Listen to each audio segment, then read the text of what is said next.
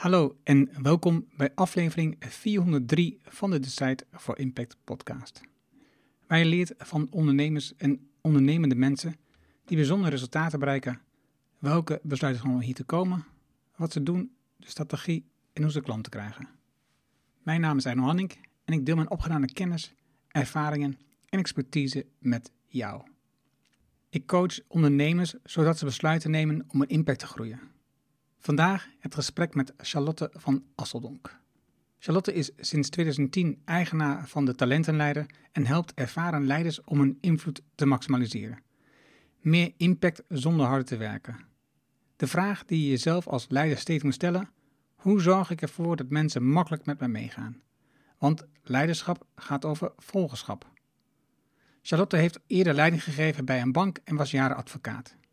Ze kent daardoor het klappen van een zweep uit de praktijk. Het was een super interessant gesprek over leiderschap en we nemen je mee. Laten we beginnen. Welkom bij Design for Impact, de podcast waarin je leert van ondernemers en experts die een positieve, duurzame bijdrage leveren aan mens en omgeving. Met persoonlijke verhalen die je helpen om impactbesluiten te nemen voor jullie bedrijf. Wel nu, jouw business coach, Engel Halling. Welkom in de nieuwe podcastaflevering. Dit keer spreek ik met Charlotte van Asseldonk. Welkom Charlotte. Dankjewel. Leuk om hier te zijn. Ja, en jij bent zelf opgeleid als advocaat. Bent daarna leidinggevende geworden bij de Raadbank, even een korte achtergrond. Mhm. En ben sinds 2010, 2011 bezig met je eigen bedrijf. Mhm. Eh, waarbij hij met name directeuren en managers helpt eh, rondom leiderschap en leiding geven. Ja. Dat is al best wel een tijd en ik ga ervan uit dat je, als ik jouw eh, artikelen en je mm, mm, video's zie, dan gebruik je ook je eigen ervaring die je hebt gehad als manager bij de Raadbank bijvoorbeeld in je werk. Mhm. Wat is eigenlijk de, de belangrijkste vraag waarmee mensen bij jou komen? De vraag in eerste instantie is, nou de aanleiding is vaak dat ze zeggen, goh, ik werk al een aantal jaren als leidinggevende. Het zijn vaak ervaren leidinggevenden. En ik werk wel zo ontiegelijk hard. Ik heb het idee dat ik maar loop te trekken en te sleuren. En ze voelen dat er ook een andere manier moet zijn. Ik wil eigenlijk veel meer dingen veel makkelijker voor elkaar krijgen. Maar het blijft me gewoon heel veel energie kosten. Of ik blijf maar kampen met allerlei gedoe in mijn afdeling of in mijn organisatie. Ik krijg er geen grip op. Of ja, ik doe al dingen heel lang op dezelfde manier. En ja, ik heb het idee dat het er vastloopt daarin. Of ik blijf maar dingen zelf naar me toe trekken. Heel operationeel. Terwijl ik hier een hele tent heb te leiden. Nou, dat zijn de vraagstukken. Of dat is vaak de aanleiding. Hè, dat ze bij zichzelf merken van... hé, hey, ik ga hier nu echt op vastlopen. Of ik, dat moet ook een andere manier zijn. Ik wil dingen toch makkelijker voor elkaar krijgen. Waardoor ze met mij in contact komen. En de vraag is dus eigenlijk, als ik hem even doorvertaal...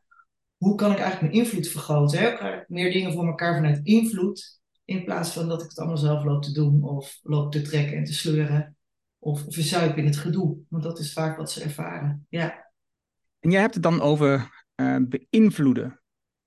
En dit is een, ja, dat, dat kan je ook als een heel vreemd woord opvatten, of tenminste een vreemde uh, uh, vaardigheid opvatten, dat je mensen wilt beïnvloeden. Want mensen doen uiteindelijk toch wat ze zelf willen, zou je kunnen denken. Aan de ene kant, aan de andere kant is het ook raar dat we mensen tot iets beïnvloeden, dat ze iets gaan doen wat wij van ze willen. Mm -hmm. Hoe, hoe, zie, want, hoe zie je dat dan? Want voor jou klinkt beïnvloed denk ik veel positiever. Ja, nou, ik denk dat we allemaal de hele dag door beïnvloeden. Als ik jou zo beluister, dat hebben veel mensen die associëren beïnvloeden met manipuleren op een negatieve manier. Dat, je, dat je je invloed inzet om dingen voor elkaar te krijgen op een niet-ethische manier of met een niet-ethisch resultaat. Maar uiteindelijk is iedere interactie die er is, die ieder mens heeft, gaat allemaal over invloed. Je beïnvloedt elkaar sowieso de hele dag door. En tot op het kleinste niveau. En in mijn perspectief gaat leiderschap ook over hoe kun je vanuit invloed dingen voor elkaar krijgen. Je bent ook alleen maar een leider, in mijn perspectief, als mensen met jou mee willen gaan. Dus als mensen jou willen volgen. Niet als uh, schapen, die de maar ja knikken en niks durven, maar Als jij niemand hebt die met jou mee wil, als niemand hebt die de koers wil volgen die jij hebt uitgezet voor je organisatie, dan ben je ook geen leider. Dus het gaat er wel om dat je gaat leren zien, wat hebben mensen van mij nodig, dus invloed, om makkelijk met mij te kunnen meegaan. Omdat ze of intrinsiek gemotiveerd zijn om, wat voor reden dan ook. Dat is waar leiderschap voor mij wel over gaat, ja. Dus ja, beïnvloeden. Hoe zie jij dat? Nou, ik, ik ben even benieuwd nog dan. Eh, eh, ik zal het zo zeggen, maar wat, je, wat is dan voor jou het verschil tussen manager zijn en leider zijn? Ja, dat is ook een beetje een naam. Hè? Kijk, uh, officieel zeggen ze altijd, ja, managers die regelen de hele dag van alles. En uh, leiders zijn degene die de koers uitzetten. Voor mij is het eigenlijk identito. Ik vind, je bent een leider als je een club aanstuurt uh, en, en, en mensen, waarin mensen met je mee moeten gaan. En dat kan op ieder niveau zijn. Dat is in mijn perspectief leiderschap. Dus ik, ik hang niet zo aan die woorden.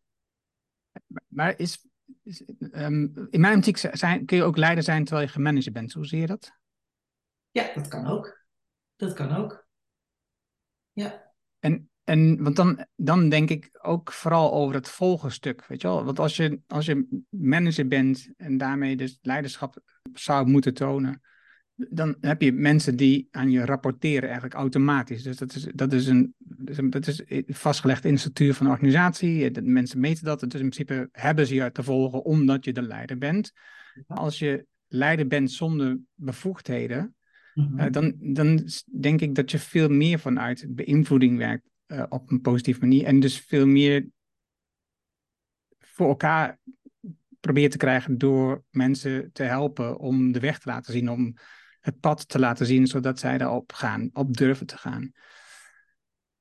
En dat, is, ja, dat, is, dat, dat vind ik een mooi onderzoeksveld om te zien van hoe zit nou dat verschil met leiderschap, wat je eigenlijk um, hebt vanuit, vanuit de structuur die er is, of dat je leiderschap oppakt omdat je uh, vindt dat er een nieuwe weg te gaan is met elkaar. Ja. Ja, uh, wat, wat vind je ervan als ik dat zo zeg? Nou, ik denk dat het en-en is. Kijk, het feit dat je manager bent en mensen aan je rapporteren, maakt je nog niet per se een leider. Als je een leider bent zonder de, de positie, uh, kun je een leider zijn ten aanzien van een bepaald onderwerp, bijvoorbeeld. Bijvoorbeeld, uh, dat gaat het ook over ordening. Wie gaat waar over in een team? En dat wil niet zo zeggen dat de leider van het team ook op alle vlakken de leider is. Je kunt hebben dat op een bepaald onderwerp, als je bijvoorbeeld, ik zeg maar wat, uh, in een bedrijf werkt, waar het ook heel belangrijk is dat je, ik zeg maar wat, artikelen publiceert. Iets een wetenschappelijk. Dan kan het zijn dat je, dat je zes jaar leider bent van die club. Maar dat er iemand in die club zit die al tien jaar en daar zit en de meeste artikelen heeft gepubliceerd. Die kan op dat vlak de leider zijn. Die gaat voor op dat vlak. Dus het is ook heel interessant om te kijken wie gaat voor op welk onderwerp. Dus je kunt leider zijn op een bepaald onderwerp, terwijl je een andere leidinggevende boven je hebt, die de strepen heeft. Zo zie ik dat. En als je nu een meer horizontale organisatie hebt, waarbij dus niet zo duidelijk uh, die structuur is vastgelegd, waar mensen bijvoorbeeld werken met uh, rollen in plaats van dat je per se in een functie zit. Mm -hmm. Hoe zie je dan leiderschap? Nou, dan is het nog steeds belangrijk om te kijken wie gaat voor op welk onderwerp. Dus ordening, noem ik het maar eventjes, uh, dat is altijd een belangrijk iets. en als dat verstoord is, dan krijg je wel gedoe. Uh, ik geloof ook niet zomaar in uh, zelfsturende teams bijvoorbeeld. Uh, ik geloof wel dat, dat het alleen maar kan als je hele duidelijke kaders hebt, als je duidelijke afspraken met elkaar hebt. dat moet echt klip en klaar staan voordat je met elkaar de poet kunt verdelen, zullen we maar zeggen. Hè? Voordat je de rollen kunt bepalen. Dus zomaar altijd maar hele platte organisaties, daar geloof ik niet zomaar in. Ik denk dat er altijd leiderschap nodig is. Of op onderwerp of in hiërarchie. Ja, ja ik denk ook dat er leiderschap nodig is, maar niet per se een manager. Dat is hoe ik uh, ja. tegenaan kijk. Zeker in zo'n ja. platte organisatie. En, en ja, als je kijkt naar Legacy of uh, naar andere platte organisatiestructuren, die hebben ook heel veel handvatten en, en structuren en uh, dingen, processen vastgelegd, zodat voor iedereen duidelijk is wat ze wanneer moeten doen. Of moeten doen, wat ze wanneer kunnen doen. En hoe ze dat het beste kunnen organiseren. Zodat je niet het werk opnieuw hoeft te doen telkens. Hè? Dat je, en ook niet van iedereen een verschillend resultaat krijgt als ze hetzelfde werk doen bijvoorbeeld. Ja. Dus, ja, dus leiderschap is daar denk ik wel nou, dat denk ik niet, is daar belangrijk in. Om, het is altijd, als je een onderwerp hebt, uh, zoals bijvoorbeeld visie, die werken met, uh, met een holacracy structuurachtige vorm. Hè. Dus dat is een bedrijf met zo'n kleine 50 mensen nu op dit moment. En er zit met vier partners. En dan zie je dat um, twee partners, die werken vooral mee in het bedrijf, en heel erg in, in, in de materie. En dan heb je bijvoorbeeld uh, Tom van Lubbe, waar ik veel mee samenwerk, die heeft, zit veel materie rondom uh, nou ja, dat holacracy bijvoorbeeld, rondom uh, andere manieren van organiseren. Ja. En je ziet dus dat hij leider op dat vlak is. En ook wordt gevraagd voor, voor interviews en, en, en presentaties geven. En dus daarmee krijg je dus jouw positie in die wereld neemt toe.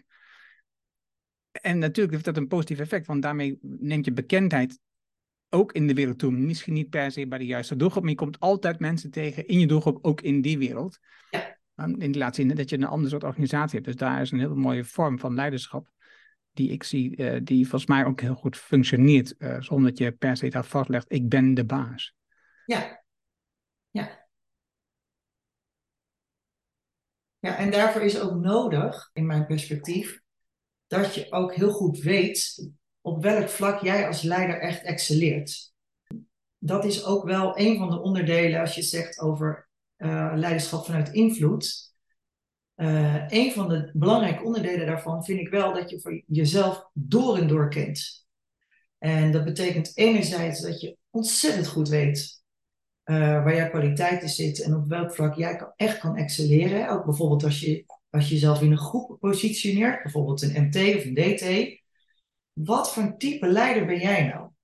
En hoe onderscheid jij je in die groep en ben je complementair aan je collega's? Uh, dus op welk domein excelleer jij? En zo kan je dus ook kijken, en hoe verdelen we dat?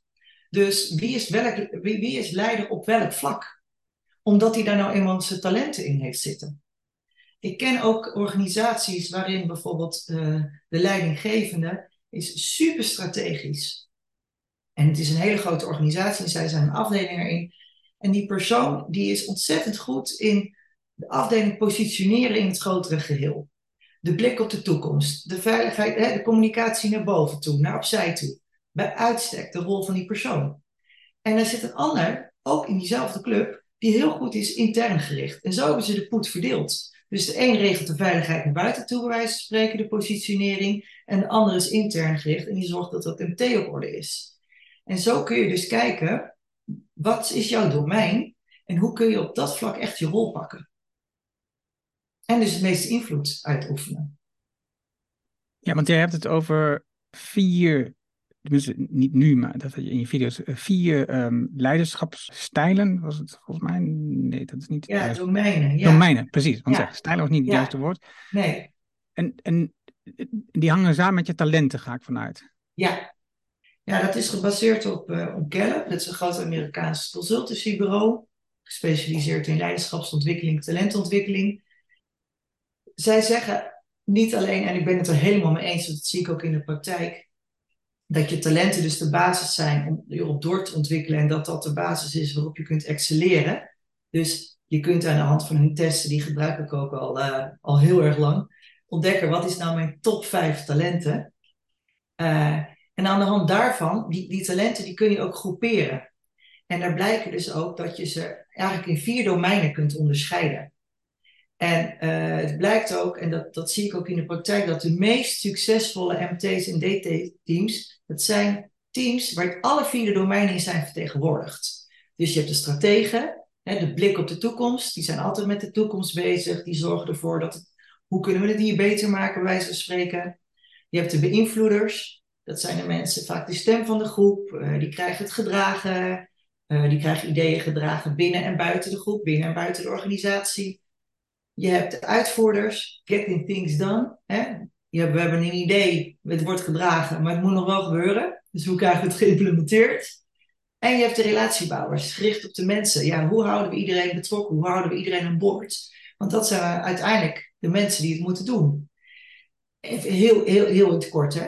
En die vier domeinen, En dat zie ik ook in de praktijk, want als ik met leiders werk, is dat de eerste stap. Maar hoe zit dat eigenlijk bij jou? Waar zitten jouw kwaliteit? Wat is jouw domein? En hoe kan, wat, welke rol past daar nou bij uitstek bij? Ik wil niet zeggen dat je de rest niet moet doen, maar je weet ook, maar dit is echt het vlak waarop ik het verschil maak. Als je het over invloed gesproken hebt. Dit is het vlak waarop ik het meeste impact heb. Meeste invloed heb. En dat, dat was mijn ervaring als leidinggevende. En dat, en dat zie ik ook bij alle mensen die ik begeleid. Dat helpt enorm. Het geeft heel veel focus.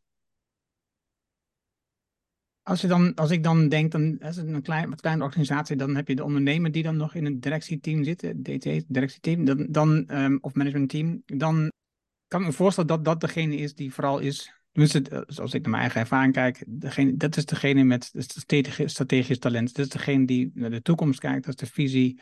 Uh, de HR-persoon, dat is degene die met name zit rond uh, de dat is waarschijnlijk de operationeel manager bijvoorbeeld. en en de, de, CFO is waarschijnlijk degene die probeert de pool zeg maar, te organiseren dat het ook werkelijk allemaal gebeurt uiteindelijk.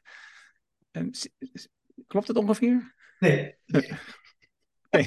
Leg maar uit. Maar wat jij zegt, denken heel veel mensen. En ik heb ook heel veel leiders die bijvoorbeeld in het uitvoerend spectrum zitten. Hè, getting things done. En hun eerste reactie is altijd teleurstelling. Oh, maar wacht eens even. Als ik een uitvoerder ben, dan ben ik toch geen leider? En dat is uh, een hele begrijpelijke, maar het is echt een denkfout.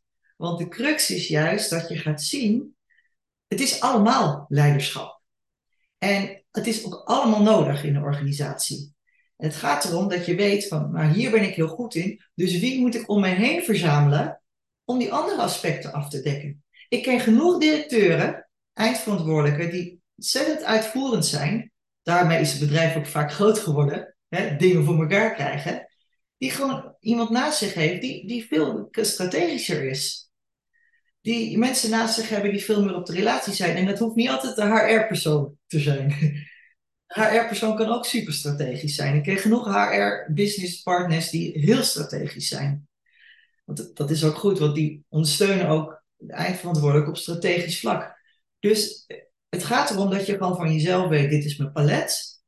Waar zit is mijn kracht? Dat is de valkuil ervan. Dus wie moet ik om me heen verzamelen om het volledig af te dekken? Zo ga je leren kijken. En het is allemaal goed, het is allemaal nodig. Ja. Is het dan logisch dat eigenlijk uh, iedereen van het managementteam dat bij jou komt om dat te ontdekken? Nou, het is wel zo dat, uh, ja, het is, ja, vaak begin ik dus met een directeur die zegt, nou, ik moet mijn hele MT doen. Dus dan uh, vaak doe ik parallel nog eh, met MT ook sessies, waarbij ik met de directeur veel, langer, veel langdurige trajecten heb en op allerlei vlakken de diepte inga. En met het MC, MT soms losse onderdelen eruit pakken. Maar dit gaat, het helpt enorm voor rolduiding. Zeggen ze, oh, ik moet ze allemaal weten. En dan gaan we inderdaad met z'n allen dat, daarmee aan de slag. En het is, naast dat het heel leuk en energiek is en heel positief, brengt het echt heel veel in beeld. Dus ze snappen ook dingen. En ze snappen elkaar ook veel beter. Ja, ja, dat, ja. Ik, dat zie ik ook. Ja. ja. Als je kijkt, vooral, ik denk vooral bij bedrijven waar iets wordt geproduceerd, hè, dan heb je mensen die steeds een stap hoger komen. Hè? Dus een productie, een productiechef, een manager. En, en, net zolang tot ze de rol niet meer aankunnen. Dat is een bekende statement. Hè? Je, gaat net, je wordt net zo lang omhoog gepromoveerd dat je de rol niet meer aankunt dan, en dan moet je verdwijnen. Uh, als je een beetje pech hebt. Op welk moment zou je um, zo'n manager adviseren om, nou, om zo'n traject bijvoorbeeld, om te, om te kijken wat voor, wat voor leidinggevende talenten heb je en hoe zou je dat kunnen inzetten in jouw uh, afdeling, team? Ik denk op het moment dat je zelf als manager de urgentie gaat ervaren, uh, het gaat niet meer, het kost me te veel energie. Wat ik ervaar in de praktijk is dat uh, veel leidinggevenden die ik begeleid, er zitten veel overeenkomsten tussen. En een van de overeenkomsten bij veel mensen is dat ik zie dat ze enorme daadkracht hebben. Het zijn vaak mensen die echt heel veel voor elkaar krijgen door een daadkracht. En maar doorgaan, en maar doorgaan. En tot op een bepaald niveau werkt dat ook wel. Uh, en je komt op een gegeven moment ook op een punt dat je merkt, dat je jezelf eigenlijk als leider een beetje aan het verliezen bent. Dat je merkt dat je de verbinding verliest met de mensen om je heen. Of dat je die misschien wel nooit hebt gehad. Als ik ze vraag, maar wat wil jij nou? Wat zijn jouw behoeften? Of hoe zie jij de toekomst voor je bedrijf of voor jezelf? Die vraag krijgen zij vaak niet goed beantwoord. Omdat ze daar niet over nadenken. Dus dat is echt typisch zo'n moment dat als je merkt, hé, hey, ik heb heel lang tot op een bepaald niveau heel veel voor elkaar gekregen vanuit daadkracht. Het is ook vaak mijn talent. Maar het is ook vaak een soort overlevingsmechanisme. Hè? Dus gedrag wat je om wat voor reden dan ook in je leven hebt ontwikkeld. En misschien al in de generaties voor je. Ik ben ook systemisch, kijk ik. En, en dat je dus gaat merken, ik, weet eigenlijk, ik ben eigenlijk mezelf aan het verliezen. Ik verlies eigenlijk het contact, de verbinding. Ik ga maar door, ik ga maar door. Dat is zo'n moment. En als je op die manier naar jezelf gaat kijken, op die manier je, uh, gaat snappen waarom je eigenlijk doet wat je doet, gaat snappen, het is vaak mijn talent geweest en het heeft me lang veel gebracht, maar dit gedrag dient me nu echt niet meer. En je gaat leren stap voor stap om daar andere keuze in te maken. Dat is geen quick fix, want dat zit tot in je diepste nerf, zit dat erin. En het zit vaak ook wel bij je ouders en bij je voorouders. Dus als je op die, dat niveau naar jezelf gaat kijken, dan kan ook een functie waarvan je denkt, ik ben eigenlijk wel uitgepierd, het gaat me boven mijn niveau stijgen, kan uiteindelijk toch weer perspectief bieden omdat je zelf andere keuze gaat maken. Nou, heb je het over dat het, zeg maar, dat het al lang in je familie kan zitten, waardoor je dit gedrag vertoont? Je bent begonnen op de hotelschool. Ja, dat klopt. Ja. en dan, um, ga je, dan ga je naar, de, naar het recht. Mhm. En dan word je manager bij de Rabobank. Wat, wat, wat zijn er dan de elementen die jij, um, waardoor je die switches maakt? Waarom ben je bijvoorbeeld gestopt en geswitcht naar recht? Ja, nou, ik was een hotelschool gaan doen. Leiderschap is voor mij altijd al een passie, een, nou, dat heeft altijd al mijn interesse gehad. Mijn hele leven al. Als kind was ik klassenvertegenwoordiger, aanvoerder van het hockeyteam, uh, altijd. Dus ik dacht, er is maar één doel in mijn leven. Ik ga leiding geven. En hotelschool is hogeschool voor hotelmanagement. En ik zag alleen het woord management. dus ik wilde daarheen. Mijn ouders die dachten, nou moet je dat nou wel doen? Ik kom uit een uh, gezin van, nou, als je VWO hebt gedaan, ga je naar de universiteit. Het was een HBO. Maar oké, jouw keus. Ga, ga het maar doen. Na een jaar kwam ik erachter dat dat hotel veel meer waarde had. Veel belangrijker was dan het hele management. Dus ik dacht, nee, dit, ik heb veel geleerd, ik ga een andere keuze maken. Ik kan makkelijk andere keuze maken. Omdat ik wel heel goed kan voelen van wat het is. En ik vertrouw altijd, ik durf risico's te nemen daarin. Ik vertrouw altijd op mezelf. Dus nou, ik zat echt in augustus te strepen met mijn vader. Van nou ja, wat ga je dan, wat ga je dan nu doen? Het is uh, één week voordat de studies beginnen, strepen, strepen, strepen. Economie en rechten bleven over. Nou, dan leek rechten ons toch een betere keuze, want ik was niet zo goed in wiskunde. Nou, rechten gaan doen. Zo is het echt gegaan. Ik vond het een superleuke studie. Ik was als een vis in het water. Het ging als een leidakje van een leidakje. Advocaat geworden. Want ik wilde gewoon een kijkje in de keuken nemen bij bedrijven. Want ik wilde nog steeds leiding gaan geven. Ik dacht, dit is echt een mooie leerschool. Dat was het ook. En ik merkte ook, groot kantoor, grote maatschap.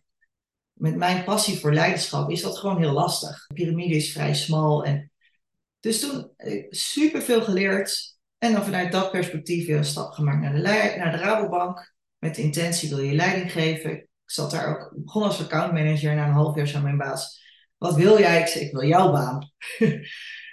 en toen twee maanden later had ik zijn baan.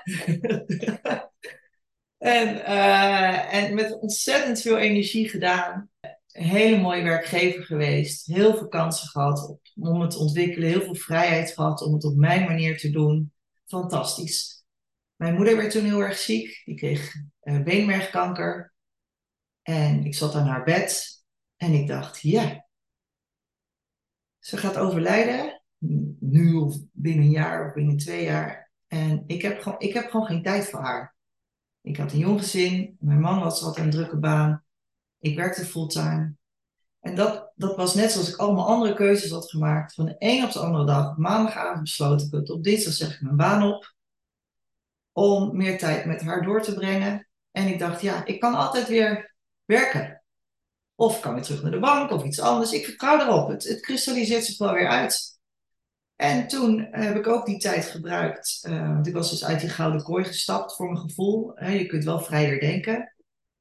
Nou, waar zitten mijn talenten? Dat had ik ook ontdekt bij de Rabobank. Ik had diezelfde Gallup-testen gedaan. Wat past er echt bij als ik helemaal vanuit dat perspectief ga denken? En ik had echt wel een visie op leiderschap. Ik denk, nou, ik ga, daar, ik ga gewoon voor mezelf beginnen. Ik ga maar scholen tot coach. Ik wil het wel, natuurlijk wel goed doen. En uh, ik ga me helemaal focussen daarop. En uh, die zich daartoe aangesproken voelen, ik begeleiden. En toen ben ik begonnen. Parallel aan met dat ik voor mijn moeder zorgde, heb ik me dus laten opleiden en ben ik, heb ik me ingeschreven bij de KVK. En zo is het gekomen. Dus het waren altijd keuzes, enerzijds ingegeven natuurlijk door omstandigheden, vooral die keuze toen met mijn moeder, door buitenaf, maar wel die mij nadenken, maar wat voel ik, wat wil ik, wat zijn mijn behoeften? En echt vanuit een diep vertrouwen, dit zijn mijn talenten, linksom of rechtsom, ik ga dat, uh, ik ga dat gewoon inzetten en ik ga erop excelleren. Ja, dat vertrouwen heb ik eigenlijk altijd wel gehad. Dus dat is de achtergrond van mijn keuze. Mhm. Wat is jouw domein van leiderschap dan? Wil je raden? Uitvoerder. Wat zeg je? Uitvoerder. Nee.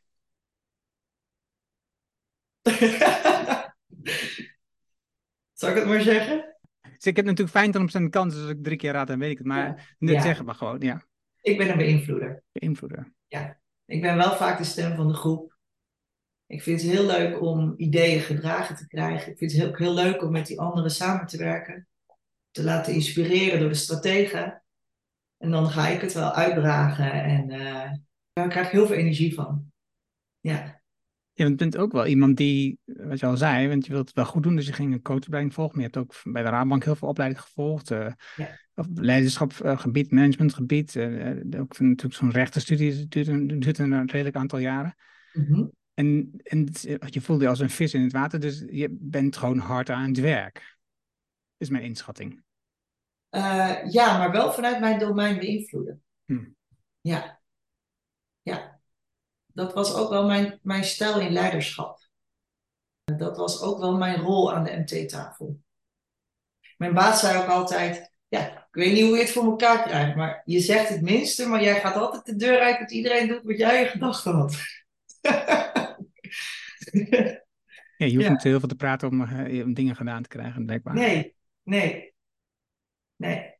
Nou, het gaat om, en dat is ook een aspect uh, wat ik heel belangrijk vind uh, als je het hebt over leiding vanuit invloed, dat je snapt wat andere mensen van jou nodig hebben om makkelijk met jou te kunnen meegaan.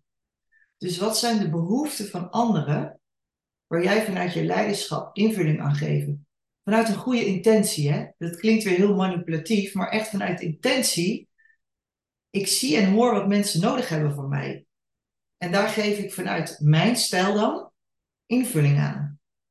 Zodat, uh, heel kort door de bocht, blijkt ook uit, uit onderzoek, er zijn gewoon vier behoeften die ieder mens heeft. Ik ben benieuwd wat jij er ook van herkent. Uh, en hoe beter je die als, als leider kunt invullen, vervullen, hoe makkelijker het voor mensen is om betrokken te zijn, om met jou mee te gaan. En dat zijn ook alle vier hele belangrijke behoeften. En uh, dat is bijvoorbeeld vertrouwen. Dus wees heel transparant als leider. Wees open, wees eerlijk. Kom na wat je belooft. Uh, mensen moeten echt op je kunnen bouwen. Ze moeten gewoon weten wat ze aan jou hebben. Dat vind ik een superbelangrijke eigenschap van leider. En die stond bij mij ook echt op één. Daar was ik altijd heel strikt in. En nog steeds. Compassie. Leef je in. Weet je, wie is de mens achter de medewerker? Heb oog voor ze, heb oog voor ze. Wat hebben zij nodig om goed te kunnen functioneren van jou als leider? Hoe kun je dat ondersteunen? Stabiliteit. Wees super duidelijk. Wat verwacht je van mensen? Wat kunnen ze van jou verwachten? En niet alleen in doelen, resultaten, maar ook hoe werken we met elkaar samen. Dat is heel belangrijk hoe duidelijker het is, hoe meer zekerheid je eigenlijk biedt voor mensen. Dus die stabiliteit, dat hebben mensen gewoon nodig, anders worden ze onzeker. En dus dat perspectief. Ben jij de leider die het voor mensen beter maakt? Zowel carrière technisch of uh, voor de organisatie of voor de afdeling. En op al die aspecten heb je wat te doen als leider.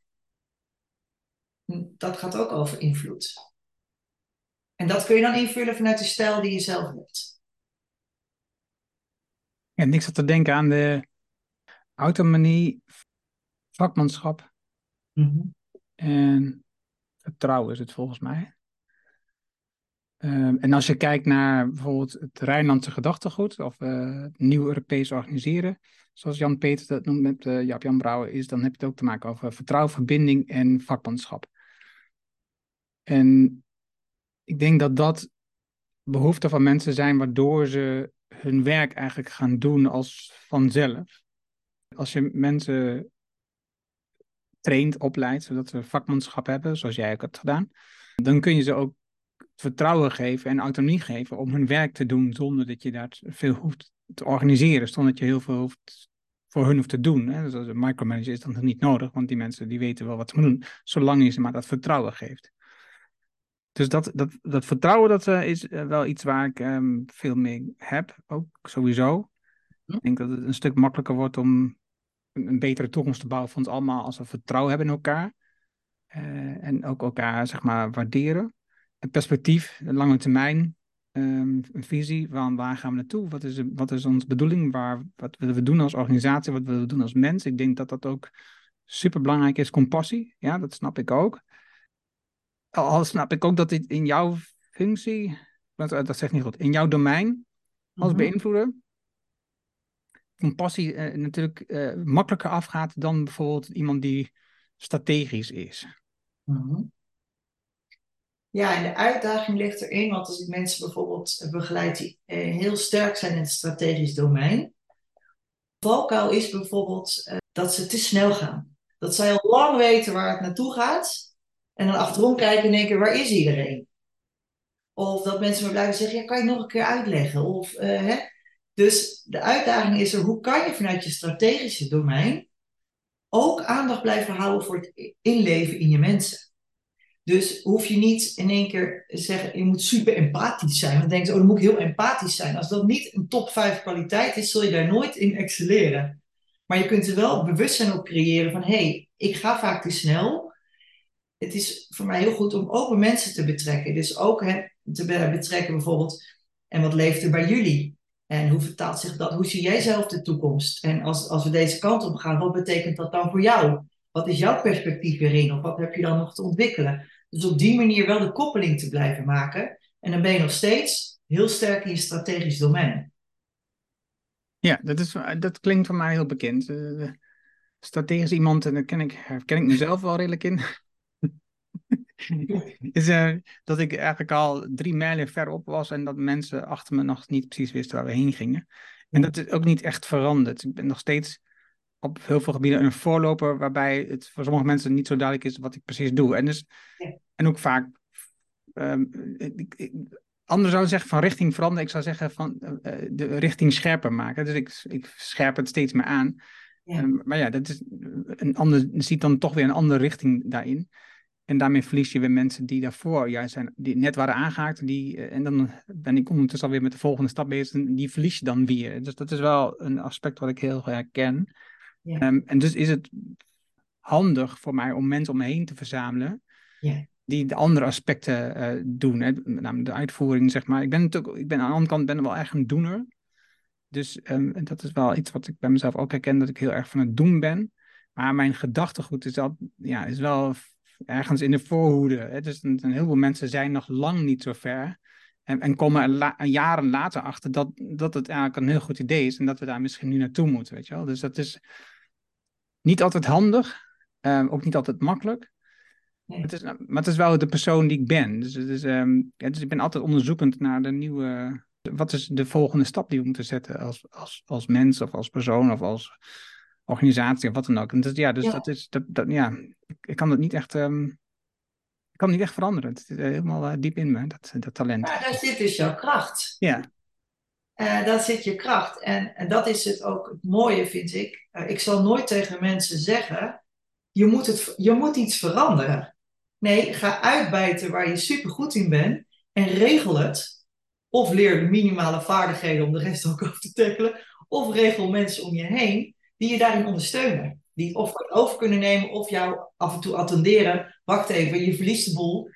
Het lijkt me handig als je nu even dit en dit doet. Dus verzamel het om je heen. Uh, zodat uiteindelijk al die vierde behoeften, en hoe je dat doet, maakt niet uit, maar wel vervuld zijn voor de mensen die belangrijk voor je zijn om met, om met je mee te gaan. Ja. En als je kijkt naar jouw domein, hè, dus wat je zegt, je hebt al eh, van jongs af aan heb je dat, uh, gebruik je dat, zet je het in. Ja. Waar ontdekte jij waar jouw minder kwaliteiten zaten, waar, waar je mensen voor nodig hebt of wat je misschien moest ontwikkelen? Toen ik zelf leiding gaf, uh, ik was relatief jong, als je het vergeleek met de mensen om mij heen in het MT. Dat waren ook nog eens allemaal mannen. En ik zat daar dus relatief jong met mannen en ik dacht in het begin, nou, ik ga kijken hoe zij dat doen. Want ja, ik wil hier ook wel wat in te pap te brokkelen hebben. Dus ik moet wel zorgen dat ik ja, het goed doe. Dus ik ging eerst kijken hoe die, hoe die gasten dat deden. En ik zag dat ze ja, allemaal een beetje over elkaar heen buitelden en van alles. En, ik, ik, ging dus op een gegeven moment MT-vergaderingen echt heel goed voorbereiden. Ik denk, nou, ik moet wel met een goed verhaal komen. Willen ze naar me luisteren? Dus, maar ik merkte al dat, dat, dat geen enkele invloed. En uh, toen zat ik in uh, nou, een soort uh, klasje van de Rabobank, waar je extra opleidingen voor kreeg voor echte leiders van de toekomst van de organisatie. En daar had ik ook een coach in, en dat was een Engelsman. En die had zelf bedacht dat het een goed idee was als wij met ons subgroepje die talententest gingen doen. Nou, die deed ik. Toen kwam mijn top 5 eruit. En nou, alles viel op zijn plek ten eerste viel op zijn plek dat ik vooral niet moest gaan proberen om die mannen te gaan kopiëren, want ik zat heel anders in elkaar. En viel ook op, op zijn plek dat ik dacht, wacht eens even, als ik gehoord wil worden, als ik wil zorgen dat mijn team goed vertegenwoordigd is daar in het MT, als ik wil zorgen dat mijn ideeën ook gedragen worden, moet ik juist iets heel anders gaan doen dan zij, iets waar ik goed in ben. En toen kwam ik dus ook achter dat ik uh, bijvoorbeeld, ik heb geen talent op het strategisch vlak.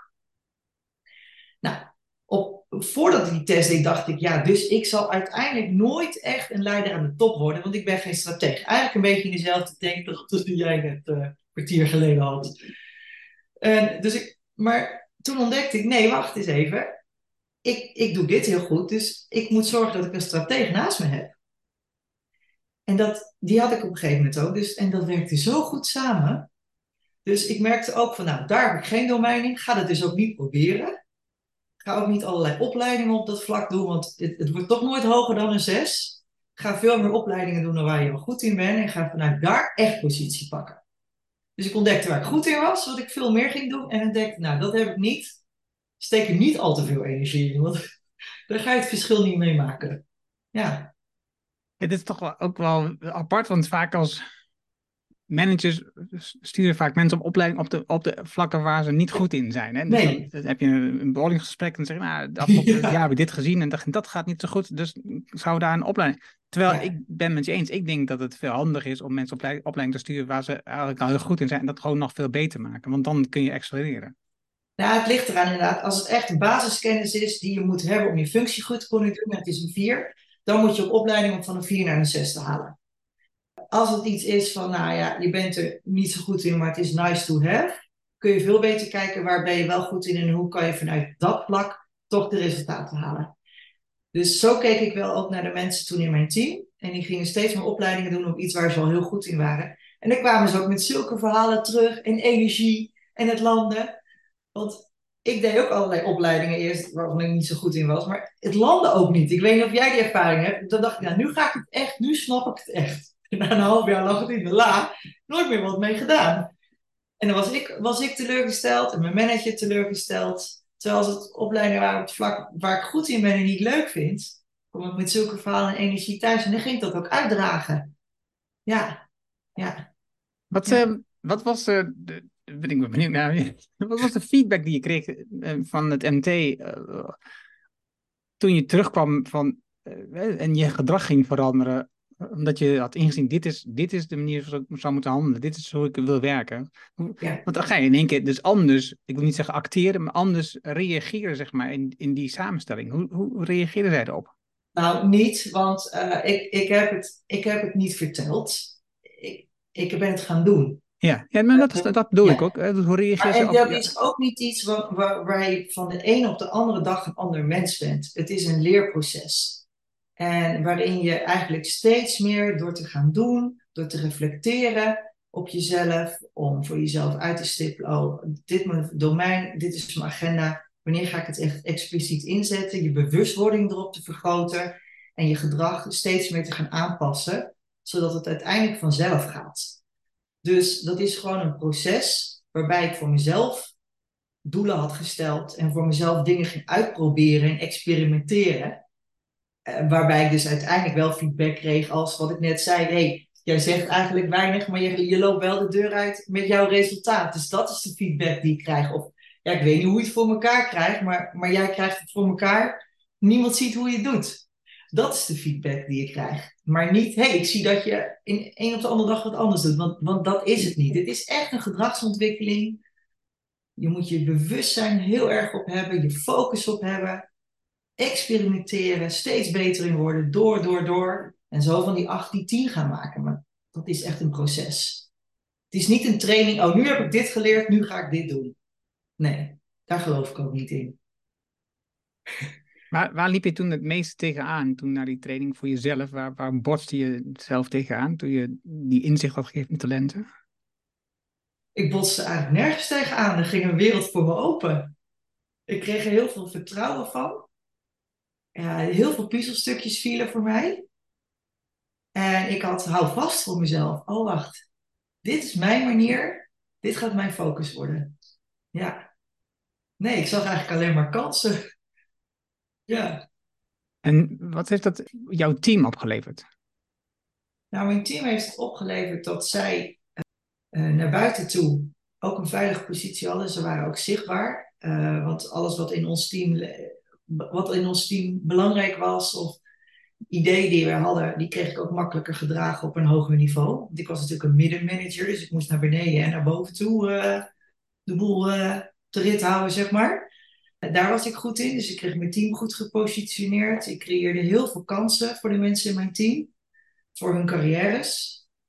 Uh, ik gaf ze heel veel vrijheid op inhoud, dat deed ik sowieso al, maar nog meer. Uh, want ik was zelf ook goed in de inhoud, want die beheerste ik als geen ander, want dat was ook voor een deel mijn werk.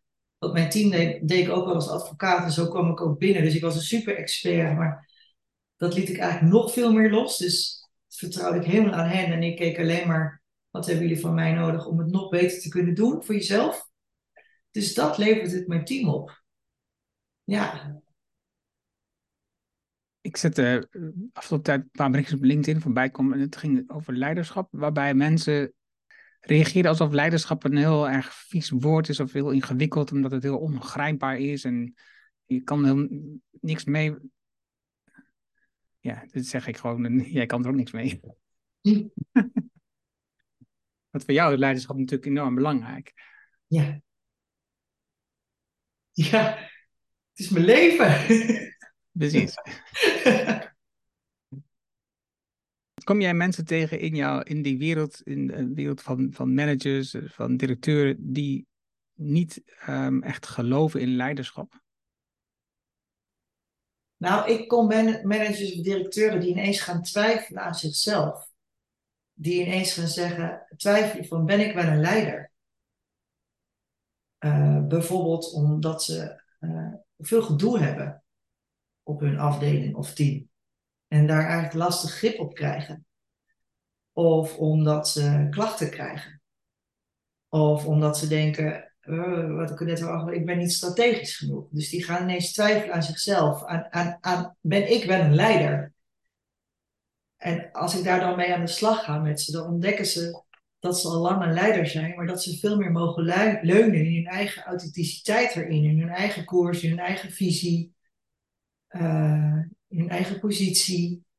En dat ze niet alles hoeven te doen, uh, maar dus ook mensen om zich heen mogen verzamelen. Want dat ze zich niet hoeven te vergelijken met, zeg maar wat, een superstratege ze zelf een ander domein hebben en denken, oh, dan ben ik dus niet goed. Maar zei, nee, die is daar goed in. Jij hier, zorg dat je samen optrekt. Zorg dat je complementair bent. Dus dat wel. Twijfel aan een eigen leiderschap. En je had het over klachten. Wat voor klachten heb je dan over? slachtoffer van anderen of dat je fysieke klachten krijgt? Nee, uh, waar ik op het moment heel veel gesprekken over voer, is uh, toch wel veiligheid in organisaties. Dat medewerkers zich. Er is natuurlijk heel veel over te doen op dit moment. En ook terecht, hè? Ik bedoel, ik ga niet zeggen dat het onterecht is. En het doet ook iets. Het wordt natuurlijk, er is heel veel over, wordt over geschreven. Er zijn veel actualiteiten op dat vlak. En dat beïnvloedt veel culturen op dit moment in organisaties. Medewerkers gaan zich veel meer afvragen: ben ik eigenlijk wel veilig? En leiders gaan zich veel meer afvragen: wat kan ik nog doen en zeggen? Dus eigenlijk aan beide vlakken gaan mensen uh, een bepaalde vorm van onveiligheid ervaren. En um, het effect daarvan is best wel groot, merk ik op dit moment. Dus, uh, wat ik, dus ik spreek dan met name natuurlijk de leiders. En die zijn daar zoekende in. Uh, bijvoorbeeld ervaren ze, en dat is, dat is echt actueel, dat als ze bijvoorbeeld iemand aanspreken op hun gedrag, dat niet, nee, niet, niet aan de verwachtingen voldoet of niet aan de afspraken voldoet, dan zeggen mensen, ja, ik voel me onveilig. Of als ze consequenties verbinden aan dysfunctioneren, dan uh, krijgen ze een, klacht over hun, leider. Dat is dan uh, een tiran, wij spreken, heel groot gemaakt. Of ze zijn heel duidelijk over de kaders, de doelen, de resultaten. En dan krijgen ze klachten over dat ze te directief zijn. Dat zijn dus echt klachten over het functioneren als leider. Dat doet wel wat. Heel veel leiders zijn daarin zoekende, ervaring. Die gaan een beetje op eieren lopen. Worden heel voorzichtig. En ik zeg, juist dat creëert een sfeer van onveiligheid. Want je wordt een beetje diffuus. Als je mensen niet meer aanspreekt, denkt de rest, hm, die komt ook overal mee weg. Wat betekent dat? Als je geen doelen of kaders of duidelijke afspraken meer maakt, gaan mensen zwemmen. Als je geen consequenties verbindt, dan uh, gaat iedereen alles zelf bepalen.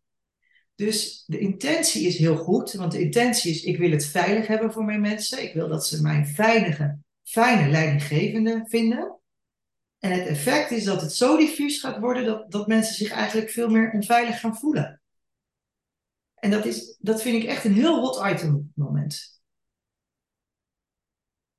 Dus dat zijn echt klachten in die zin, ja. Ja, nu is, is er natuurlijk ook veel naar buiten gekomen over onveilig gedrag van mannen en vrouwen, maar ja. vooral mannen uh, die in een situatie uh, veel vragen van hun, van hun team. Hè, we hebben het ja. in de media gezien, uh, in de cultuur, de sport, de politiek. Ja. En ik schreef ook een artikel over de minister die um, in eerste instantie nog mocht blijven, maar nu toch uiteindelijk vertrokken is. Want Amy, weet je nou ook weer? Over, de, over, psycholo over psychologische veiligheid. Dus als je een psychologisch veilige omgeving creëert, waarbij mm. mensen durven uiten wat er, wat er mis is, wat er scheelt, dan, dat draagt natuurlijk enorm bij aan, aan, het bedrijf, aan de organisatie, aan het werk. Exact. Uh, dus wat dat betreft is het belangrijk. En dus als je maar tegelijkertijd kan ik me ook voorstellen, dat, heb ik wel een paar keer gedacht bij mensen die, uh, die nu in de media, zeg maar, ontslag hebben aangeboden, omdat, omdat het een onveilig gevoel gaf voor die mensen die daar onder werkten. Dat natuurlijk, zij hebben een positie bereikt door A heel hard te werken en door B steeds verder meer aanzien te krijgen van nou, allerlei mensen, steeds meer volgers. Mm -hmm. uh, waardoor ze het gevoel dat ze ook steeds meer dingen kunnen doen. En dus daarmee eigenlijk uh, steeds meer mensen om zich heen verzamelen die geen weerwoord um, geven. En uh, laat ik het woordje durven weg. Gewoon alleen het feit, omdat ze graag die persoon willen volgen, ja. ook gewoon alles doen omdat die persoon dat vraagt of omdat die persoon dat zegt. En dat maakt het natuurlijk uiteindelijk ook ingewikkeld om dan telkens weer terug te gaan naar jezelf wil niet zeggen onmogelijk, maar wel ingewikkeld. Uh, terug gaan jezelf en zeggen, nee, wacht even. Ik zit op deze positie, maar ik moet nog steeds wel die veilige omgeving creëren en behouden. Ja. ja. Want, want, ja, het is natuurlijk ook prettig dat er allemaal mensen om je heen zijn die gewoon doen wat je zegt. Dat, dat je, als je het zegt, dat je dat gedaan krijgt, dat, dat, dat het functioneert. Dus, mm. Ik kan me voorstellen dat dat als man, vrouw, in die mm. positie, dat het heel fijn voelt. Dat je met mensen werkt en jij zegt, oh, we gaan linksaf en iedereen gaat gewoon linksaf. Of het goed is, is het anders natuurlijk. Maar jij, jij zegt dus, het geeft dus ook gewoon nu problemen op de werkvloer, in, in, in managementfuncties, in structuur, in organisaties, waarbij we dus dit gedrag wat in de media naar voren komt, wordt nu bij iedereen eigenlijk nu gezien als een. Uh, ja, is, dit, is, dit, is, dit, is dit nog een veilige situatie? Voel ik me nu nog veilig? Of is het al een onveilige situatie? Nou, het is een heel. Het is een Kijk, laat ik vooropstellen dat uh, grensoverschrijdend gedrag, hè, of de, de voorbeelden die we hebben gezien, tuurlijk, niet acceptabel. Hè? Geen enkele discussie over mogelijk. Wat, wat, ik, wat ik probeer te zeggen is dat ik nu zie dat heel veel leidinggevenden over dingen, bepaalde aspecten in hun leiderschap, die gewoon bij hun rol als leider horen, hè, de, paar voorbeelden die ik net gaf, dat, dat, dat, dat ze dat ook niet meer goed durven. Dus dat ze zoekende zijn daarin. En als je zoekende bent, ga je wiebelen. En dan uh, uiteindelijk uh, ga je, wat ik dus zie, is dat zowel leiders als medewerkers, allebei, dingen gaan vermijden. En om eigenlijk de angst te vermijden, maar door te vermijden, door bepaalde dingen te gaan vermijden, hou je angst juist in stand. Dus eh, denk maar als je bijvoorbeeld een auto-ongeluk hebt gehad, zeggen ze altijd: je moet zo snel mogelijk weer gaan rijden. Anders blijft de angst in stand. Um, dus het kan zo zijn dat, ook al heb je een, een, een organisatie waar, waar iemand echt grensoverschrijdend was en die wordt ontslagen en er komt een nieuwe leider. En die denkt: Nou, ik weet wat mijn voorganger heeft aangericht. Ik doe even heel rustig aan, heel geduld, ik doe even niks. Dan die angst die zit zo al in, het, in de cultuur, door, door dan te gaan vermijden, blijft het. Terwijl jij helemaal niks, niks doet, het wordt toch op jou geprojecteerd. Dus als je dan wel een keer iemand aanspreekt, zeggen ze gelijk, ja, wacht eens even. Dus de uitdaging zit erin, mijn perspectief, om als leider wel de dingen te blijven doen die gewoon bij jouw rol als leider horen. De voorbeelden die ik net noemde. Dus op dat vlak risico te gaan nemen en ook je medewerkers uit te nodigen en aan te moedigen om risico's te gaan nemen. Dus het kop weer een beetje boven het maaiveld te gaan uitsteken. Dat is niet een dag geregeld, maar faciliteren spreek je uit. Uh, faciliteren om, want anders krijg je een lamgeslagen club. Niemand durft meer te experimenteren, niemand durft meer te innoveren. Iedereen gaat het vermijden. Dat is, dat is wat ik veel hoor, waar veel gesprekken op dit moment over gaan. Van hey, Hoort dit nog bij mijn rol? Kan ik dit nog maken? Of loop ik dan het risico dat ze me onveilig vinden? Want dat is wat geen één leider wil. Tenminste, niet de leiders waar ik mee werk. Die willen dat niet. Die willen net ook veilig een goede, goede werksfeer creëren. Daar, gaat, daar gaan heel veel gesprekken over op dit moment. Ja. Nee, ik merk het bij mezelf. Het is, ik ben heel terughoudend geworden in het geven van complimenten aan vrouwen bijvoorbeeld. Dus, dus, je bent een man van 55 plus, een witte man. Je loopt het risico dat mensen daar wat van vinden. Dus ik ben daar voorzichtig in geworden. Ja, en meer, meer van dat soort elementen die ermee te maken hebben. Dus, het, het, maakt het ook onhandig. Weet je? Het maakt het, wat onnatuurlijk haast. Maar wat ik dan wat ik vaak doe, is er gewoon wat over zeggen. Dus ik praat er ook vaak op dat moment gewoon even over. Of, en als ik wel een compliment geef, dan leg ik dat ook uit. Om die veiligheid uh, eh, nou, in ieder geval uh, in stand houden, laat ik dat dan maar zo zeggen. Dus ik denk dat uh, met je team over, erover praten, over die situatie gebeurd zijn en wat het effect is en hoe het dan zit met gesprekken en wat je wel zou moeten doen en wat, wat in principe niet meer kan. Ik denk dat is, dat is in ieder geval verhelderend. Niet alleen voor je team, ook al voor jezelf. Op het moment dat je namelijk over praat, krijg je feedback wat anderen ervan vinden. Krijg je terugkoppeling als het goed is als je een veilige omgeving hebt. Dan Ehm, weet je ook, oh ja, wacht even, hier ehm, kan ik onderzoeken waar zit de grens en wat is nog mijn functie, hoe kan ik dat dan organiseren? En dan nog kan natuurlijk mensen op dat moment zeggen, ja wacht even, dit, nu voel ik me onveilig. Terwijl je gewoon met gezegd wat, je, wat er niet goed ging de afgelopen tijd. Ja. Dat kan natuurlijk nog gewoon. Ja, nou ik denk dat de eerste belangrijke stap is dat je met elkaar hebt over, over hoe het werkt met angst. Hoe angst toch nog kan blijven bestaan in een organisatie, ook al is de tiran of de bullebak weg. Uh, en uh, hoe, hoe je dan met z'n allen in een soort vermijdende. Alleen al dat begrip van wat, wat gebeurt hier eigenlijk? Wat doen we eigenlijk met elkaar? En hoe werkt dat? Zonder oordeel, dat is logisch. Er zijn ook allerlei experimenten op dat vlak geweest. Dat alleen al kan al helpen om weer voorzichtig te gaan met elkaar, weer risico's te gaan nemen. En daar heb je zelf als leider een voorbeeld in door het gewoon te doen. En je medewerkers daarin steeds te faciliteren, steeds te doen uit te nodigen. Eigenlijk de opdracht te geven, ga ook weer wat meer risico's nemen. Dat is wat, hoe ik het met de leidinggevenden die ik begeleid aanpak. Die dat ook doen. En die ook merken dat dat werkt. Want het geeft heel veel duidelijkheid. En vermijden geeft geen duidelijkheid. En duidelijkheid is key als iets onveilig voelt. Als je nu kijkt naar. We hadden het in het vorige gesprek al over. Hè? Dus 2020 eh, eh, kwam corona. Mm Dus iedereen ging op afstand werken. Tenminste, um, 9% van de, van de van werk in Nederland. Um, langzaamaan zijn toch veel meer bedrijven weer gaan werken. Uh, op, dat ze naar kantoor moesten komen. En een heel groot deel werkt in een soort combinatie. Ja. Hoe, hoe zit het dan met leiderschap in zo'n combinatievorm, waarbij je te maken hebt met mensen op afstand, mensen die op kantoor zijn, mensen die gedeeld kantoor zijn, een team waarvan een deel aanwezig is, een deel niet aanwezig is. Hoe, hoe organiseer je dat? Ja, nou daar zit echt wel een uitdaging, merk ik op dit moment. In het begin was het allemaal nieuw en dan was even zoeken en hadden we modus gevonden. En oh, dat geeft eigenlijk ook wel heel veel perspectief en het geeft ruimte en ik uh, veel meer tijd om mijn werk goed te doen.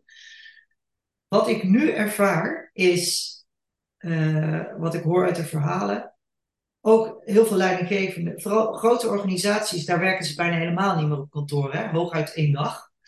Dus de uitdagingen voor leiderschap is nu, wat kan ik nog wel bepalen? Hoe vaak mensen wel of niet moeten komen? Mag ik dat bepalen überhaupt? Uh, mag ik dan bepalen of het wel of niet allemaal op dezelfde dag is of niet? Nou, dat, dat vinden ze al heel lastig. Daar zit een uitdaging. Wat kan ik nog bepalen op dat vlak en wat niet? Er zit een uitdaging op hoe hou ik de club bij elkaar? Want iedereen zit thuis achter zijn pc te werken. Dus hoe zorg ik ervoor dat we ook wel met elkaar uh, contact blijven houden? En ook hoe hou ik contact met mijn mensen als individu op, op, menselijk vlak? Want de praktijk leert dat, dat ze vaak alleen contact hebben als er even iets misgaat. Of een vraag is op inhoud. Dan wordt er even gebeld of, uh, of gezoomd of geteamst.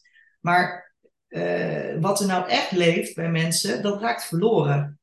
En wat ik, wat ik hoor is dat de, de cijfers van de, de psychisch welzijn, van, van zowel jeugd, maar ook, ook volwassenen, die, die, die dalen. Hè? Dus steeds meer mensen hebben last van uh, psychisch welzijn. En ik krijg steeds meer het gevoel dat dat ergens ook komt omdat de sociale coherentie, het, contact met elkaar op het werk, dat het zo schraal is geworden dat mensen daar echt dingen in aan het missen zijn. Uh, ze zitten achter een computer. De vergaderingen zijn ook heel anders als je met, met, met 15 man in een schermpje zit. Je pakt toch minder makkelijk het woord. Uh, zeker als je wat introverter bent. het is veel minder persoonlijk. De lolletjes zijn eraf. De kopjes koffie even tussendoor. Even bij elkaar binnenlopen om te sparren. Ik krijg steeds meer het gevoel dat het zo schraal wordt op dat vlak. Dat mensen daar psychisch last van krijgen. Dat daar een gemis zit. En daar zit echt een uitdaging voor leidinggevenden. Hoe ga ik daarmee om? En ja, ik hoor van alles wat ze uitproberen. Uh, ze spreken met mensen af, één op één, of ze gaan even wandelen. Om, hè, om te geven ook aan die compassie. Van hoe gaat het nou eigenlijk echt met je? Dus ze proberen zoveel mogelijk meetings op kantoor te organiseren met de hele club bij elkaar. Maar ja, dat vinden ze alweer lastig, want dan zegt de helft alweer ja, nou ik werk liever thuis, ik kom niet.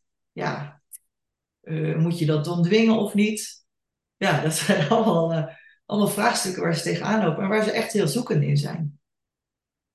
Ja, dat is ook, niet, dat is ook best wel een lastig element. En ik, ja, ik denk dat je gelijk hebt, je ziet natuurlijk dat we steeds meer achteruit zijn gegaan in de hoeveelheid sociale contacten die we hebben. Ja. Dus, dus, dus niet alleen door het werk, maar überhaupt omdat we ook zoveel werken, is ook weinig ruimte naast ons werk om contact te hebben met mensen. Hè. We hebben misschien wel minder reistijd, maar we werken best wel veel uren op een dag. Ja. En als we dan ook nog moeten reizen, dan eh, valt dat ook nog af. Dus we hebben ook steeds minder tijd over om eh, nog sociale contacten erop na te houden naast dat werk allemaal. Hè. Dus eh, Ja. je bent al blij dat je met je gezin eh, nog redelijk contact kunt hebben, zeg maar. Dus terwijl als mens, als je kijkt naar bijvoorbeeld die blue zones, waar mensen gemiddeld veel ouder worden, dan zie je dus dat daar dus het, het sociale contact een belangrijke rol speelt in, in hoe mensen zich voelen en hun welzijn. Dat zie je ook in allerlei onderzoek terugkomen. Welzijn, wat voor een groot deel bepaalt, is hoeveel contact met mensen hebben. Ja. En dus ik denk ook dat ehm, een belangrijk onderdeel, als we willen kijken naar visie en mening, voor duidelijkheid van mij, hè? Ja. is, eh, is als, we, als we willen kijken naar welzijn in plaats van welvaart, dus als we willen als maatschappij dat de mensen eh, een gelukkiger leven hebben, dan moeten we dat minder zoeken in meer werken, meer welvaart bieden, maar veel meer zoeken in meer welzijn bieden. En dus minder werken en dus meer ruimte creëren voor ehm, sociale contacten. En dat kan ook in je werk zijn, omdat je dus minder uren werkt, kun je bijvoorbeeld zeggen, ja, dan gaan we een uurtje met elkaar wat anders doen. Dat is dan niet per se werk, maar wel een weer middel om contact te hebben. Of Ja. bij een groep aansluiten waar je, waar je in thuis voelt, waar je contact hebt met een hobby of een sport of wat dan ook. En ik denk dat dat ehm, een veel eh, fijnere ja, maatschappij creëert. En dus ook als je datzelfde zou toepassen in je bedrijf, dat dat veel meer ruimte geeft. Hè? Dus, maar we zitten nog steeds heel erg te denken vanuit er moet meer gepresteerd worden. We moeten efficiënter worden, effectiever worden. We moeten meer ehm, mankrachten hebben, menskrachten hebben, sorry. Eh, we moeten meer gedaan hebben, dus we moeten meer mensen aannemen. Uiteindelijk gaat het vooral om hoe kunnen we nou eigenlijk een bedrijf bouwen waar mensen gelukkig in zijn, of kunnen we een maatschappij bouwen waar mensen gelukkig zijn, waar je als bedrijf een rol in speelt, of als leidinggever een rol in speelt. Ik denk dat daar een aspect zit. En voor je team als leidinggevende, maar ook voor jezelf als leidinggevende, denk ik dat je daar een voorbeeldrol in moet spelen. Want meestal, als je in een leidinggevende positie bent, is, de gedachtegang dat je al bijvoorbeeld parttime werken heel ingewikkeld, want je hebt al die mensen van die teams die allemaal parttime werken, die moet jij telkens wel zien. Dus jij werkt eigenlijk vaak het meeste. Terwijl je, zou eigenlijk een goed voorbeeld geven dat je wat minder zou kunnen werken, waardoor je meer contact kunt krijgen en ook minder hard werken, waardoor je meer ruimte houdt om echt contact maken met mensen. En dus de, Ja. de ruimte en de tijd om aandacht te besteden aan mensen. Dus ik denk dat daar, in mijn, tijd, op mijn optiek ligt daar dus de toekomst. Ja, Geen wonder dat ik met IDG's bezig ben. De innerlijke ontwikkeling van mensen die gaat voorop. ja, Er was nog één vraag die ik had over. Oh ja, ik weet het alweer. Ja. Je had het over die dingen eh, die, zeg maar, waarschijnlijk misschien zelfs al generaties lang spelen, of die in ieder geval Ja. lang bij jezelf spelen. Wat doe je er dan precies in met jouw klanten, cliënten, ehm, om dat op te pakken, om daarmee in slag te gaan? ja. We hebben het erover, we brengen het in beeld, maar wat ik ook echt, eh, echt doe, is ik ga met ze naar eh, een paardencoach waar ik mee samenwerk. Ik ben systemisch en zij is echt super systemisch. Zij is daar echt mega expert in. En zij gaat dat dan verder onderzoeken. Wat zit er in jouw familiesysteem? Maar, eh, een paar generaties terug ook. Waarom is bepaald gedrag om wat voor reden dan ook nodig geweest? En eh, met die paarden eh, werkt heel goed samen, omdat dat om, om meerdere redenen. Maar paarden zijn natuurlijk heel sensitief. Die, die ondersteunen haar eigenlijk er ook in. Paarden zijn heel sensitief. En die geven ook echt aan van wat er op dit moment nodig is. En sowieso is het al leuk om, om daarheen te gaan, naast dat het heel veel eh, in kaart brengt. De mensen waar ik mee werk, die denken al, ja hallo, wat gaan wij nou doen? Ik dacht dat jij een beetje praktische resultaatgericht, wat is het voor zweverig gedoe? Nou, alleen dat al maakt, dat ik zeg, en juist daarom moet je het doen. Want je gaat dus op een andere manier eh, naar je gedrag kijken. Je kunt erover blijven praten. Maar als jij daar eh, in de wei staat met zo'n met zo'n paard en er gebeurt van alles, heeft het een hele andere impact. Je gaat dingen nog veel intensiever voelen. Je gaat dingen snappen. En juist omdat je denkt, wat is het voor gedoe, moet je het doen. Dat is een andere manier van leren. En die sessie is echt om het, om het in kaart te brengen, om het te begrijpen. Dat is eigenlijk de eerste stap. Dat je begrijpt, oh wacht eens even. Dit is wat er bij mij gebeurt. Dit is wat er te pas en te onpas. Mijn, ik noem het altijd, doe het altijd zo, want het is je overleefstrategie. De voorstad. Dit is wat er te pas en te onpas mijn gedrag is als ik druk ben, moe ben, stress heb. Of maar iets van een trigger lijkt op iets waardoor, waar dat nodig was. dan ga ik dit doen. En het dient me nu niet meer. Ik ben nu uh, 40 plus, de meeste zijn 40 plus die ik uh, begeleid, ik ben nu 40 plus. Ik heb, dat, ik heb dat gedrag nu niet meer nodig. Je hoeft het niet los te laten, het hoort bij je. Maar ik kies nu voor wat anders, waardoor ik effectiever klinkt weer zo effectief, hadden ze net over, maar wel meer welzijn of veel dichter bij mijn behoeften kom of veel dichter bij mijn gevoel kom of veel meer in verbinding ben met mezelf en met anderen. Veel meer mijn leven ga leven zoals ik het wil, veel meer de leider ben zoals ik het wil zijn. Veel meer erop durf te vertrouwen. Dus dat doen we dan met paarden. Ja. En dan coach ik daarna nog, want het is uiteindelijk. De leiders die ik begeleid komen altijd natuurlijk met allerlei situaties ook uit hun praktijk. Nou, dit is wat ik heb meegemaakt, of dit is waar ik tegenaan loop. En het, je ziet gewoon al heel vrij snel een rode draad daarin, die altijd te herleiden is tot die overleefstrategie die zo diep in je zit. En die nu niet meer altijd uh, ten dienste staat. En zo heeft iedereen zo, zo zijn strategieën. Ja, het is mooi ook hoe je dat omschrijft. Als je, als je jouw website bezoekt en als je op LinkedIn jou volgt, dan zie je bijvoorbeeld video's van jou, artikelen van jou. En die artikelen die zijn, en die video's die zijn, dat is allemaal vrij nou, georganiseerd, gestructureerd, duidelijk. Um, er is niets zweverigs aan. Nee. Als je Charlotte zo ziet, dan denk ik, nou, dat is niet uh, echt een zweverige vrouw of zo. Nee. Ben ik ook niet. dat is wel mooi. Nee, want dat is, de, dat is natuurlijk, daar moet ze ook altijd lachen. En daarom zeg ik, oh, je moet het juist doen. Maar daar vertrouwen, daar vertrouwen de mensen mij ook dan wel in hoor. Als, ja, als jij het zegt, nou dan gaan we het doen. Ik ben eigenlijk wel benieuwd. Uh, maar de, de uitdaging zit er natuurlijk wel in om de inzichten die je opdoet. En, en, en ik denk dat ik daar wel echt goed in ben. Om dat heel praktisch te maken voor mensen. Echt de vertaalslag te maken. Ja, wat betekent dit nou voor jou? Wat betekent dit nou in jouw praktijk? En wat kan jij nou concreet doen? Dus de vertaalslag naar een inzicht. Nou, echt praktisch maken. Zodat mensen ook kunnen gaan doen. Want ja, daar zit uiteindelijk wel de magie.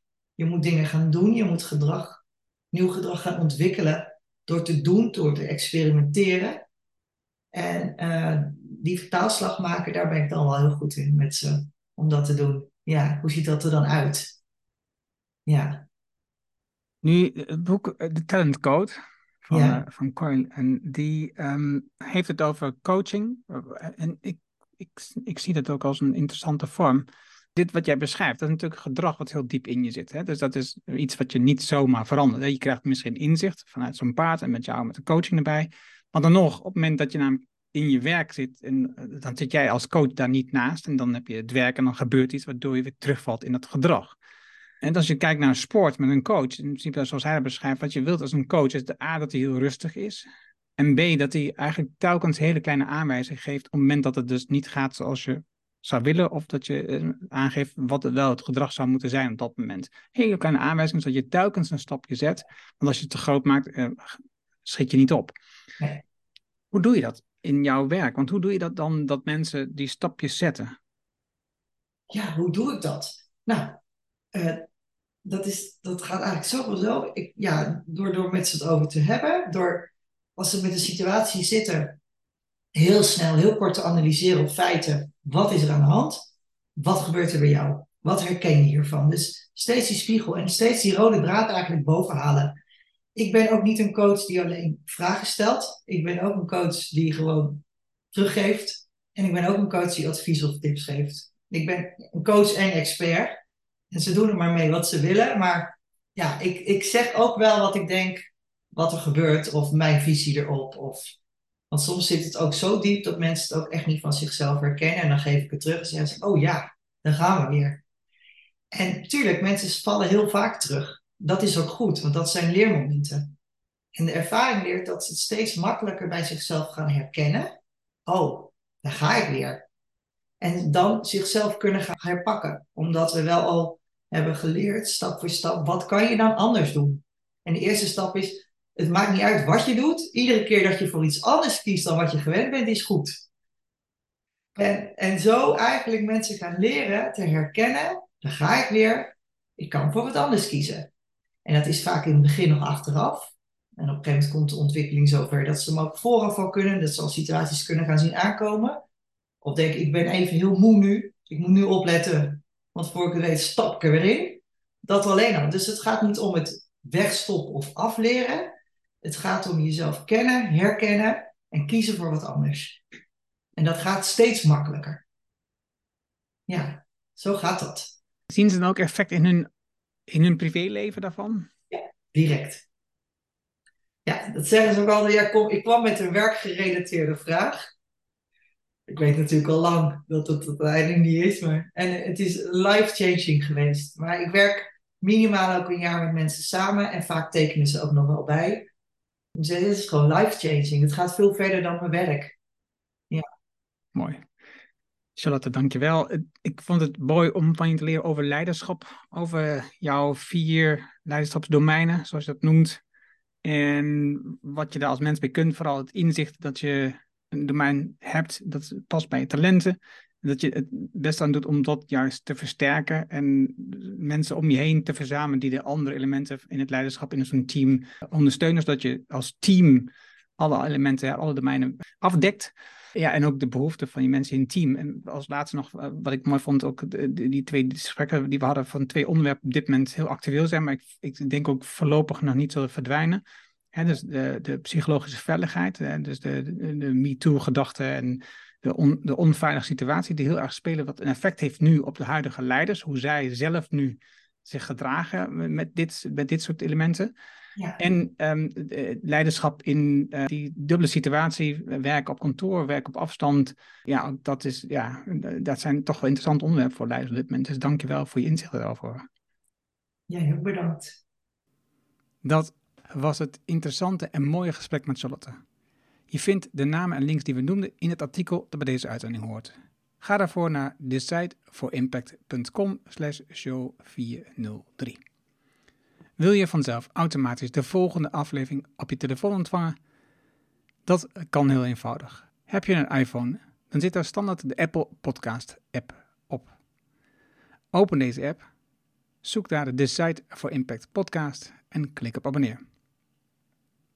Heb je een Android-telefoon?